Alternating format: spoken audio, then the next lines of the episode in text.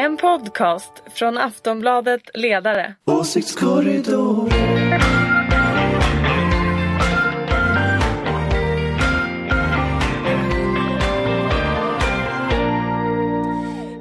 Och välkomna till Åsiktskorridoren. Det är fortfarande sportlovstider och det märks i studion för vi har med oss Ulrika Schenström på länk från Värmland. Hej Ulrika! Yes, hej, hej, Hej, hej! Ulrika är moderat ska vi säga och snart eh, ny vd för den gröna liberala tankesmedjan Fores.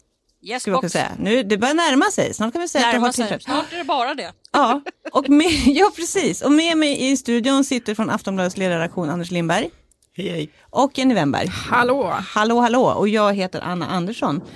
Eh, vi ska prata mycket S-kris, men jag tänkte börja med vad jag tycker var den stora nyheten igår, nämligen att Jan Björklund ska vara med i Let's Dance. Ja, Ja, så peppigt! såg ni den lilla trailern? Jag Ja. blev så glad. Jag älskade den. Ja, jag tycker också att det här är väldigt coolt faktiskt att Jan vågar ställa upp i sånt här. Det Det är ändå sånt. ganska modigt, håll med om det. Jag håller helt med om det. Anders ser jätteskeptisk ut. Nej, nej, nej, nej, jag tycker det är jättebra att han är med. Ja, men jag, jag Engelska politiker brukar ju göra det när de, när de eh, Dancing Vill with bli the populära, stars eller vad det. Ja, och eh, även i USA tror jag att det har förekommit gamla avdankade. Ja, men jag blev jätteglad av att se den i alla fall. Eh, det, det är en gammal sanning i svensk politik att centerpartisterna är de som dansar bäst. Hur står sig liberaler? Det Någon som Det, vet? det är nog bara du som ja, vad vet jag, Ulrika.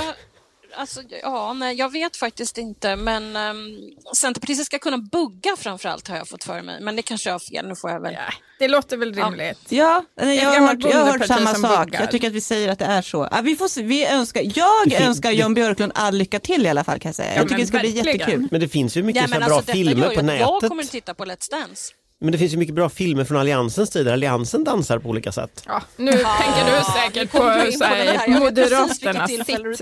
Vänta bara till nästa stämma när Liberalerna dansar rumba. Då kommer vi bli, då kommer vi bli imponerade allihop ska jag säga.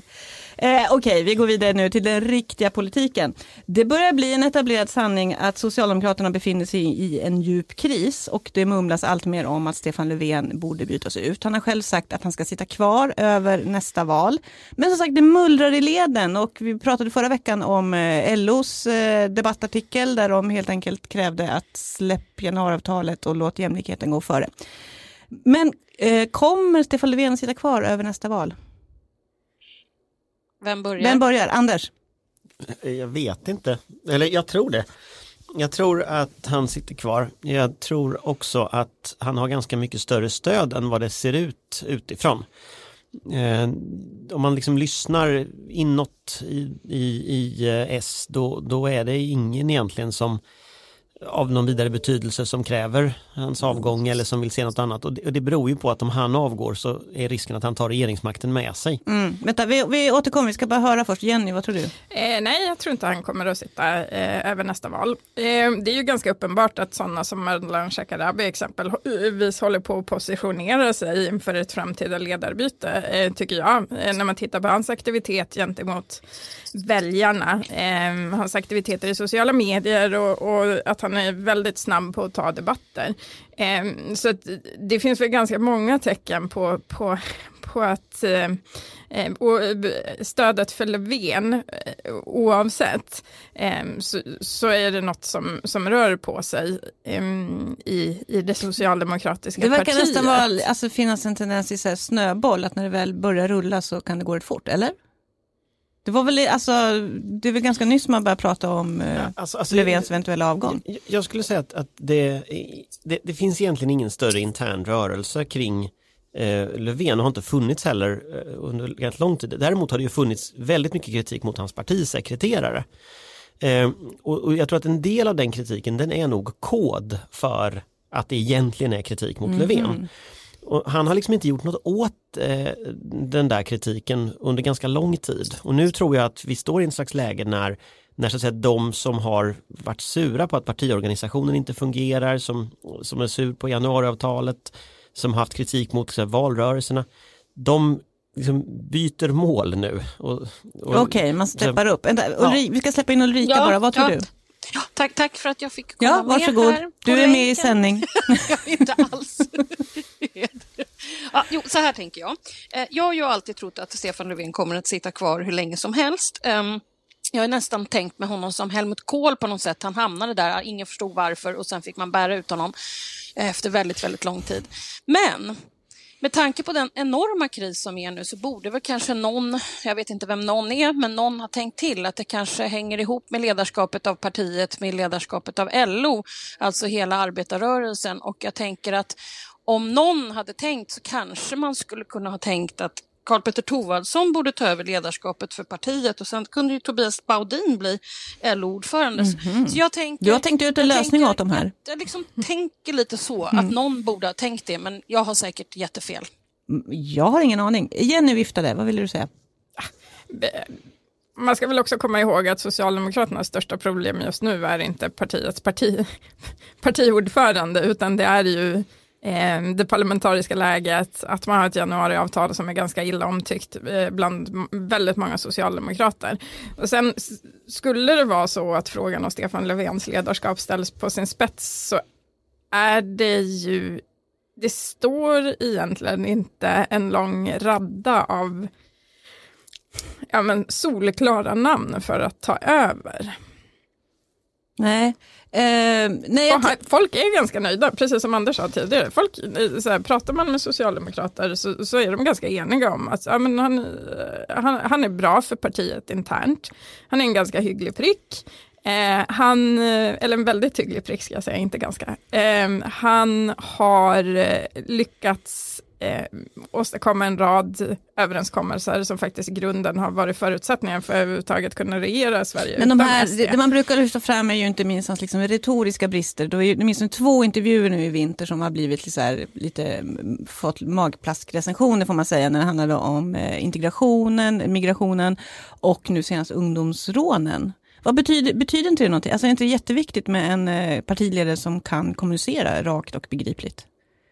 Alltså jag skulle säga att, att han har ju trots allt lyckats bli vald till statsminister två gånger nu. Eh, två mandatperioder. Så, att, så att det, det, är ju, det är ju, då är inte den retoriska förmågan kanske det som folk har funderat mest på utan just liksom politikens innehåll och, och, och så. Eh, sen så tror jag någonstans att Löfven är bättre retoriker, eller jag tycker att han är bättre retoriker än vad som liksom vad borgerligheten försöker på något sätt måla eh, honom som. Däremot just det här debattformatet i tv, där är ju inte hans starka sida utan den är ju att vara ute och träffa folk. Så hade jag varit, liksom, hade jag varit sossarna så hade jag nog försökt ha honom där och sen helt enkelt hoppa över den där typen av liksom, debatter. Men kan man göra det? Kan man inte? Nej, det kan man inte göra. Man jo, kan inte bara inte ha man kan statsministern och partiledaren inte vara med i debatten. Men, Nej, men, men, här är på alltså, sida. Något vi faktiskt glömmer bort i det här samtalet är att säga, ja, här kanske inte är kanon i debatter. Det finns absolut större retoriker, retoriskt begåvade människor än Stefan Löfven. Men när det verkligen gällde, när Sverige ställdes inför ett terrorattentat på Drottninggatan och människor dog, då stod han där som en landsfader och sa rätt saker. Ehm, det är många andra politiker som hade eh, misslyckats i den situationen, men han gjorde inte det. Ehm, men, men, och, och, och, det är faktiskt, det, det, det är skitsamma hur det Jenny ska avsluta bara, Jag tycker det är skitsamma hur det går i en riksdagsdebatt. Vad som avgör styrkan i en politiker är ju hur man hanterar ett läge som terrorattentatet på Drottninggatan. Okej, okay, Ulrika. Alltså jag vill bara understryka här att jag har ingenting emot Stefan Löfven, men han har opinionssiffror som är skräckinjagande för tillfället och han har ett jätteproblem att få ihop sin arbetarrörelse som håller på att allihopa springa iväg och bli sverigedemokrater. Eh, sen om det är Stefan Löfvens fel, eller om det är LOs fel, eller om det är något annat fel. Det kanske är samarbetet i januariavtalet som är fel. Men något är fel. Ja, och, alltså det, det, det, är ju många som säger det, eller, och som också som Jenny nämnde här nyss, att många menar att det är, problemet är inte Stefan Löfven, utan det är faktiskt innehållet i politiken. Och man, jo, men då är det ju också förmågan, om, så här, om man är chef så är man chef. Får han inte fram rätt reformförslag, gör han inte rätt saker, så spelar det ingen roll om det är Kalle och Lisa på utredningsavdelningen som har fel, utan det är han som inte har fått fram det. Eh, hur bra han än är på vissa saker, och jag tycker också han var väldigt bra när det hände terrorattentat, men nu var det ju frågan här om hur han ska få och hur eh, Socialdemokraterna ska komma på fötter igen. Och det är ju, det är ju liksom tro, trots allt till syvende och sist hans problem. Mm. Here, here.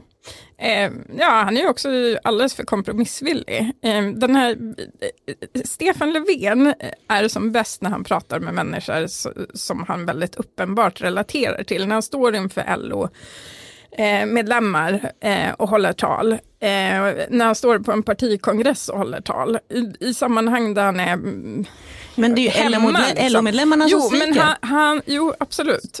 Men det finns ju sammanhang där han är en bättre retoriker i, än i de här tv-sända debatterna. Ehm, men det är ju precis som Ulrika säger, det, det är väl klart att den som är chef är den, den som någonstans måste iträda ansvaret för, för, för det som, som är problemet i ett parti. Han är absolut en del av problemet, men kanske inte är huvudproblemet. Sen borde han faktiskt vara lite mer passionerad kring sig, ja men, politiska reformer och inte vara så jävla glad alltid över att han har kompromissat med Moderaterna, Liberalerna och Centern. Det är inte vad man röstar på Socialdemokraterna för som väljare. Ja, men för det är lite dit jag egentligen har försökt vara på väg här. Att alldeles oavsett Stefan Löfven och januariavtalet, tror ni att väljarna idag vet vad socialdemokratisk politik är? Alltså bara Socialdemokraterna, om de fick bestämma. Tror ni att svenska väljarna vet det idag? Alltså jag tror man vet vad man får. Man får ungefär det här som vi ser nu. Ehm, och, och det Ja, men då skulle du inte få januariavtalet om sossarna hade majoritet. Alltså, förra gången fanns det decemberöverenskommelsen, sen blev det januariavtalet. Alltså alla, så, jag menar människor som, som ser väl att, att politiken idag är väldigt komplicerad på grund av SD. Och jag tror att det, är, det finns ett slags stöd för att regera Sverige utan att liksom SD ska få ett inflytande. Och sen så, är, men alternativet till januariavtalet är ju förmodligen någon slags SD-inflytande och då har ändå folk accepterat det. Och jag tror att det ligger liksom under det här att det inte är några, några större protester, det är inget så dramatiskt fall eller någonting. Däremot vad det är, tror jag, och det är det som är sossarnas problem, det är att de, har, de är inte passionerade för någonting. Det är passionen, liksom. det här brinnet, att man verkligen vill någonting. Nej, men de brinner ju supermycket för kompromisser med Moderaterna, Liberalerna men- och Centern. Det är ju typ deras. Men det, men, men, ja, och Ulrika. det är ju ett problem att de gör det. Men det kan ju vara så att Stefan Löfven är rätt person på fel plats. Han kanske skulle helt enkelt ha varit på LO istället och eh, hedrat parternas uppgörelse istället. var Eftersom han ganska verkar fint bete sig som hela 73-punktsprogrammet är en uppgörelse mellan parterna. Fast jag tror ju någonstans ändå att jag menar, januariavtalet är inget kollektivavtal. Det är ingenting som folk behöver följa på det sättet. Och, och så länge sossarna tror det så är det liksom, då, då sitter vi ju fast. Så är det ju ett problem. Så är det ju ett problem. Men, men tittar vi i sak så har ju delar av det redan fallit. Den här punkten om att Vänsterpartiet inte ska ha ett inflytande följer ganska spektakulärt. Eh, vi, vi, ser, vi ser eh, Arbetsförmedlingen föll. Jag skulle inte bli ledsen om LAS och hyr, marknadshyra och sånt där faller också. Alltså, det, det är inte alls omöjligt att, att det här avtalet kan komma att förhandlas om. Det är parterna, eller partierna äger ju eh, det här avtalet. Och det, ett kollektivavtal är ju skrivet på ett eller två eller sådär. Det kan ju vara skrivet ganska olika tidsramar. Men det här avtalet förhandlas ju om varje budgetprocess. Och, och det, så det, de borde ju kunna ändra tycker jag på de punkterna där de förlorar. Och ska, om, om, om, man, om man tänker att väljarna på grund av ökad ojämlikhet och, och eh, sociala klyftor går till SD, då borde ju även Centern och Liberalerna tycka att det är ganska dåligt att ändra sig. Mm. Någon som vill tillägga något där?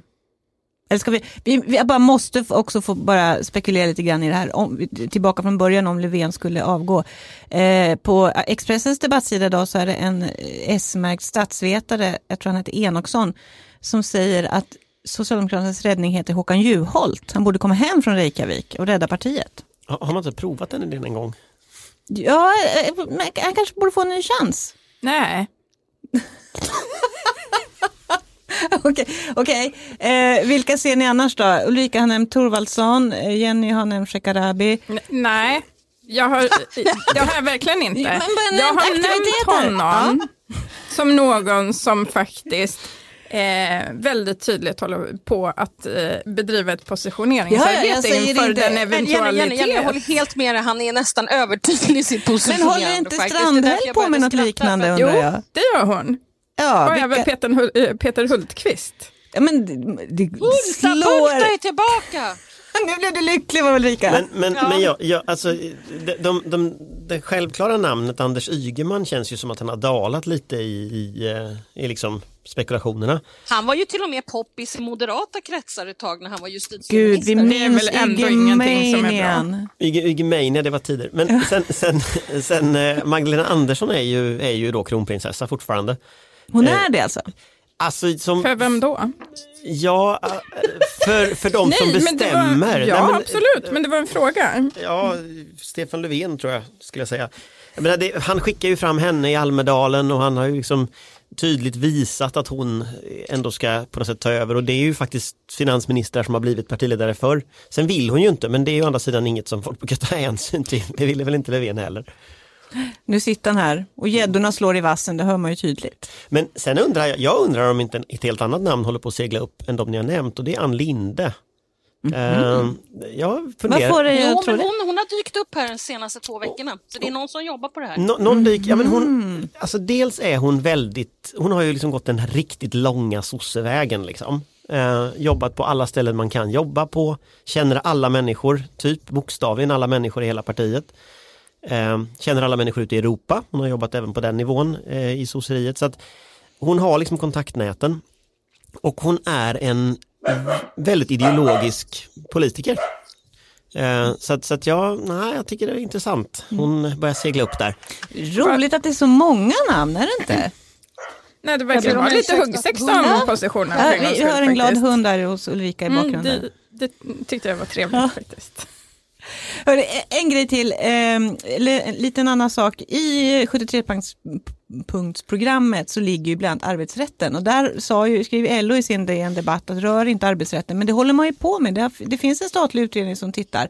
Och tidningen eh, Arbetet rapporterade förra veckan att det finns ett förslag med där om att eh, företag med mindre än 15 anställda så ska man inte kunna ogiltigförklara uppsägningar av personliga skäl. Det här kommer ju knappast göra LO gladare, eller? Nej, Nej. det är ett helt Nej, alltså det här är ju en centerpartistvinst igen. Det är Ja. liksom Arbetsförmedlingen 2. Millions of people have lost weight with personalized plans from Noom, like Evan, who can't stand salads and still lost 50 pounds. Salads, generally, for most people, are the easy button, right? For me, that wasn't an option. I never really was a salad guy. That's just not who I am. But Noom worked for me. Get your personalized plan today at Noom.com. Real Noom user compensated to provide their story. In four weeks, the typical Noom user can expect to lose one to two pounds per week. Individual results may vary. Nej men det är ju ett helt horribelt förslag. Varför då? Därför att en ganska stor del av arbetsmarknaden består av företag med mindre än 15 anställda och i det läget så skulle du alltså kunna säga upp någon i princip utan att, att ha rätt att göra det. För du kan inte liksom pröva det på något sätt. Eh, och du kan själv välja för personliga skäl kan ju vara precis vad som helst. Du kanske är osams med chefen, du kanske är sjukskriven mycket, du kanske inte hänger med riktigt i data, datautvecklingen. Och sen så kan du ju strunta i vidareutbildningar, du kan strunta i att ta hand om arbetsmiljön och sen säger upp folk istället. Och så kan du inte göra något åt det eh, från, facket. Du kan liksom inte, över, du kan inte överklaga det eller någonting om det här förslaget skulle bli verklighet. Så att jag skulle säga att det här är ett riktigt grundskott mot hela arbetsrätten. Och det här är heller inte, liksom, det är inte turordningsreglerna i LAS det här handlar om. Turordningsreglerna i LAS, det är illa nog att man pratar om dem. Men det här är mycket, mycket, mycket farligt. Eh, eftersom du blir helt rättslös i stora delar av arbetsmarknaden. Men nu har vi ju inte sett slutet på den här utredningen heller för att i den här artikeln från Arbetet så avslutades det ju också med att eh, facket skulle få ytterligare in någonting där innan maj när den skulle komma. Så att vi får väl se hur den där ser ut. Men Ja, det är helt även siffran att Centerpartiet 15 har mycket att anställda. säga till om. Jag vill säga det att även 15 anställda verkade vara uppe för diskussion, alltså var gränsen skulle gå. Fast själva idén med det svenska anställningsskyddet det är ju att du måste ha någon form av saklig grund för att säga upp människor. Och om du då kan säga upp människor av med personliga skäl utan att det finns någon som helst möjlighet att liksom utmana det, då skulle det här bli verklighet. Då, då raderar man ut stora delar av anställningstryggheten eh, för väldigt stora grupper. Och då ändrar man helt maktbalansen på arbetsmarknaden. Och Stefan Löfven lovade faktiskt att den inte skulle ändra maktbalansen. Det står i samma punkt i, i januariavtalet. Men Nej, här men det levererar ju helt plötsligt Löfven en eh, reform och då är inte den bra. Trodde du att vi skulle tycka det Ulrika? Ja, jag måste ju bara få påpeka det här. Det är ju Nej, ändå bara om att han inte levererar Nej, men, reformer. det- Ja, men det- här det- är det ju hela nya grejer. Det är Ja, men vi menar bra reformer. Alla småföretagare kommer bli lyckliga. Och Vi, vi tänkte mer så här kraftigt socialistiska reformer. Ja, men, nej, men det, är väl, vill säga något, det är väl självklart om det här skulle bli verklighet, då, då är det verkligen en omstrukturering av, av hela anställningstryggheten. Ehm, och det är, det är en erosion av ehm, det, det liksom eroderar människors eh, rättigheter på arbetsmarknaden och, och ger en enorm makt åt arbetsgivarna. Ehm, det, det här, ja, det, det är ju fruktansvärt. Mm, och det kan ske under Stefan Löfven. Jag tror inte det kan ske alls. Nej. Jag tror det här är för dumt. Alltså, det finns ingenting som facket skulle kunna få som skulle kunna uppväga detta. Utan i sådana fall handlar det ju om att man får ju sänka förslaget i riksdagen. Eh, Det här är så korkat att en socialdemokratisk liksom, regering kan inte rimligen eh, göra en sån här reform. Vi får väl Det, det finns ju ingen väg Vänta, vänta, Ulrika. Men lek nu med tanken att det faktiskt blir så här. Nu tror jag inte den kommer landa så som det stod i, i, i den här artikeln jag läste helt och hållet. Men låt säga att det nu skulle liksom ske någonting. Tror inte ni att det kommer bli ännu värre då eh, med tappet mot, eh, till, till Sverigedemokraterna och, och eh, LO kommer få ännu större problem. Så att jag, ja, hur, hur ska, hur ska Stefan Löfven vända det här och vrida på det här om det liksom inte löser sig att han får ordning på arbetarrörelsen överhuvudtaget? Vad ska han göra nu då? Alltså det, det, om, om, om det här förslaget skulle bli verklighet då kommer ju naturligtvis LO-medlemmarna inte att rösta på sossarna. Så är det ju. Eh, och, och, och vad de sen går det vet vi ju inte. Några går ju till nej, SD, fine. några går till V inte- kanske så att säga. Men, men, Men vi diskuterar ju ändå sossarnas kris rent generellt så att det här är ju inte direkt, det här blir ju inte så Men bra. hur, hur länge skulle, vi har ju ändå sett att det går att pressa tillbaka den här typen av idiotförslag eh, som ju även omstruktureringen av Arbetsförmedlingen utgjorde. Vi, alltså, det Men är inte det här ett förslag som skulle ju- kunna få stöd i riksdagen? Nej, men det skulle väcka ramaskri bland helt vanliga svenskar som faktiskt är de som går och röstar vart eh, fjärde år eh, på partierna. Jag, jag tror att det här har, det här är en fråga som rör väldigt många svenskar och, och, och som skulle väcka stor uppmärksamhet oavsett liksom, om man är LO-medlem eller inte. Ehm, jag, jag, tror inte. Jag tror att verkligheten kommer att, att ta hand om det här. Eh, om, om det skulle läggas fram som, som ett skarpt förslag. Men sen ska man vara medveten om också att det är ju långt utanför LO-grupperna som berörs av det här förslaget. För LO-grupper är ju ofta, de, de har ju ofta anställningar, det kan ju också vara om industrin är större, företag eller kommunsektorn är större och sådär. Men här pratar vi också om att alla tjänstemän, det här gäller ju hela arbetsmarknaden. Och tittar vi på så små tjänsteföretag eller vi tittar på, på hela liksom de här alltså stora tjänstemannagrupper som, som, där, de, där de på arbetsmarknaden har konstruktionen att de har ett trygghetsavtal, de, de har möjligheten att utbilda sig vidare om någonting skulle hända. Eh, man har en turordning, man har liksom fasta spelregler. Allt det skulle ryckas undan genom att du inte behöver följa någon turordning överhuvudtaget utan du kan sälja, säga upp människor av personliga skäl. Det vill säga ingenting skulle gälla längre för de här stora tjänstemannagrupperna. Och det gör att jag, jag kan inte tänka mig att liksom någon grupp skulle acceptera det här. Eh, även så att säga borgerliga väljare skulle ju drabbas eh, av de här sakerna. Ja, vi får se. Det blir spännande. I slutet av maj skulle förslaget läggas fram, va? eller? Ja. ja I just det. hela utredningen. Ja, hela utredningen presenteras då. Eh, vår sista punkt på programmet, det är ju så att det är ju inte bara Socialdemokraterna i januariavtalet som vi väl känner till. Det är ju ytterligare tre partier och ett parti av dem är eh, Liberalerna. Och Nyamko Sabuni var intervjuad i Expressen där hon sa lite, lite så här svävande att ja, det är väl inte alls omöjligt att vi lämnar januariavtalet eh, före valet 2022 eh, för att man vill profilera sin egen politik. Hur ska man tolka det? Hänger det löst nu eller är det bara sånt som hon måste säga? Hon är ganska många eh, ute i kommunerna i partiet som är, som är missnöjda med januariavtalet och inte tycker att det gynnar, gynnar Liberalerna. det tycker jag är ganska gnälligt. De har ju fått igenom jättemånga punkter, väldigt uppenbart, i januariavtalet. Eh, jag vet inte vad mer de vill ha. Att, att det går dåligt för Liberalerna handlar väl om en rad andra saker än Men har de inte varit ganska, ganska dåliga på att lyfta fram sina eh, segrar i januariavtalet? Alltså, Alltså, generellt? Eller? Jag tycker man, man hör ju inte mycket av Liberalerna Slopad värnskatt, till exempel. till exempel. Massa skolor. Det har de är pratat om i, snarare. i 15 år nu och nu har de fått det men de tar inte till det sig. Jag tycker det känns lite som man inte riktigt har någon plan. Nej, och vad gör Sabuni just nu? Alltså hon är väldigt, väldigt frånvarande som partiledare om vi jämför med den dansante Björklund. Mm. Ehm, det är väl klart att det Ja, men är vad, vad, alltså, är det det, är inte så uppenbart. att, att de fortfarande lider av den här eh, liksom, konflikten som fanns inför januariavtalet? Att de inte har kunnat bygga över den klyftan, eller? Jag, jag tänker också att, att Liberalerna i grunden är ett ganska onödigt parti. Alltså den, den position de har, ja men den position de har, Så kan vi också uttrycka Det ett onödigt jo men parti. den Det är positionen, så oförskämt att säga så. nej det är väl inte oförskämt, men, men den position de har överlappar ju ganska mycket med Centern, eh, liksom ideologiskt. Eh, och, och det finns, har ju funnits idéer som dyker upp då, då att slå ihop de där partierna. Det går väl inte av liksom rent ja, partikulturella skäl, men, men liksom, vad, vad är poängen med Folkpartiet? Alltså varför finns de? Värnskatten togs bort. Jo, det, Men det, de men har det, inte påmint sina väljare om det kanske. nej men det, jag tror att ett parti måste ha ett syfte med att finnas.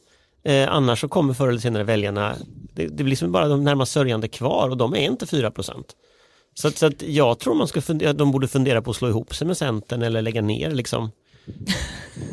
Men, men vad tror ni på riktigt pågår i, i Liberalerna just? Sitter de och grunnar på någon stor plan som ska komma?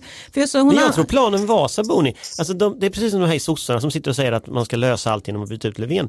Alltså, det, det är inte personfrågor som är så viktiga. Och så, nu trodde de att nu ska någon som går genom rutan då skulle de ha. Eh, och liksom, eh, det funkar ju inte. Eh, Och så hennes första tal i Almedalen handlade om elvägar eller vad det var. Alltså, det, det, Nej. det, det, är- det funkar inte att tro att den typen av enkla lösningar för partier. Det, det är som Ulrika. jag alltid har sagt. Eh, man kan gå igenom rutan men om man inte har en jätte, jättestor utredningsavdelning så blir det helt enkelt inga reformer. Nej, och då står man där när man har gått genom rutan med tomma händer. Nej, då blir det elvägar, för det var på hennes förra jobb så höll de väl på med elvägar om jag fattade rätt. Ångpanne, vad heter de? Ja, Ångpanneföreningen. Ångpanneföreningen. De Hon höll- skulle ha använt den där talet i Almedalen till att prata om jämställdhet i framtiden kanske eller någonting sånt där. Det hade nog passat på, i Folkpartiet. Ja, å andra sidan, alltså nu är det vadå, åtta månader sedan Almedalen. När har man sett henne senast? På Arlanda när hon skulle på fest. Nej men jag tror de skulle valt kom den. Erik, Erik Ullenhag. Eh, jag tror de har valt fel ledare. Han Ja, men jaha, hade... så då spelar ledaren en roll då? Ja, jag tror att den gör det, så jag ändrar mig där. eh, och jag tänker så nu här. helt Nej, plötsligt. jo, men jag ska ändra mig Och så faktiskt. släppte han utredningsavdelningen. Ja, jag, jag, jag, jag, jag lämnar dig och din utredningsavdelning här nu Ulrika. Nej, men jag tror faktiskt att det finns en roll för ett socialliberalt parti i Sverige. Okej, nu ändrar du där också. Därför att Centern, nej men det, därför att Centern, nej, nej, därför att, därför Anders att Lindberg nuvarande, nuvarande Folkpartiet är inte ett socialliberalt parti utan de är ett någon slags kravliberal, batongliberaler och det finns inte utrymme liksom till höger för ytterligare några sådana batonger och hårda tagmänniskor. Däremot så saknas det i Sverige ett socialliberalt parti. Så om Folkpartiet hade valt, Liberalerna, förlåt, hade valt eh, till exempel Erik Ullenhag eller någon socialliberal och valt den politiska inriktningen och sen gått all in på det. Då hade det kunnat ha en funktion. Men som det ser ut idag så finns det ingen poäng med Folkpartiet. Jenny. Ja, jag tycker också de borde ha valt Erik Ullenhag. Herregud vilken skillnad det hade gjort tror jag. Ehm, för hur eh, Liberalerna hade framstått, vilka frågor som hade drivits, vilken plats man hade tagit. Ehm, nu var väl inte han superlyckad som minister, men jag tror att han hade blivit en ganska bra partiledare och bara det att han pratade om snällhet eh, inför eh, sin kandidatur till partiordförandeposten tyckte jag var, var ganska trevligt. Ehm, Säger du, jag som inte röstar på Liberalerna. nej, inte, Det? snäll. För övrigt. Visste Eh, vi- det råder valhemlighet här inne. Valhemligheten gäller även Det, ledarskribenter. det är faktiskt nästan ingen som röstar på det Nej, partiet. precis. Så att, Det eh, statistiskt var jag Åh, ganska vad säker. kaxiga ni blev nu. Ja, nej, men det, och det är naturligtvis som eh, Anders säger. Jag tror också att det finns plats för ett socialliberalt parti. Eh, det är ju dock inte vad Liberalerna är, precis som Anders konstaterar. Och så länge de inte eh, drabbas av den självinsikten att so socialliberalismen faktiskt eh, har en plats i svenska partilandskapet så, så kommer de nog att skvalpa på där i botten av Mm, de, de ligger och kämpar runt 4 Opinions- spärren Ja. de senaste mätningarna. Ulrika, vill du tillägga någonting? Ah, jag vill bara säga att jag röstar för utredningsavdelningen. Jag vill bara säga att jag inte röstar på Liberalerna, så mycket kan jag säga. Så, Okej, det får bli sista ordet för den här veckan. Tack så mycket Ulrika Schenström i Värmland. Och tack till Anders Lindberg och Jenny Wennberg. Vi hörs nästa vecka. Hej då! Hej hej! Hej hopp! Hej!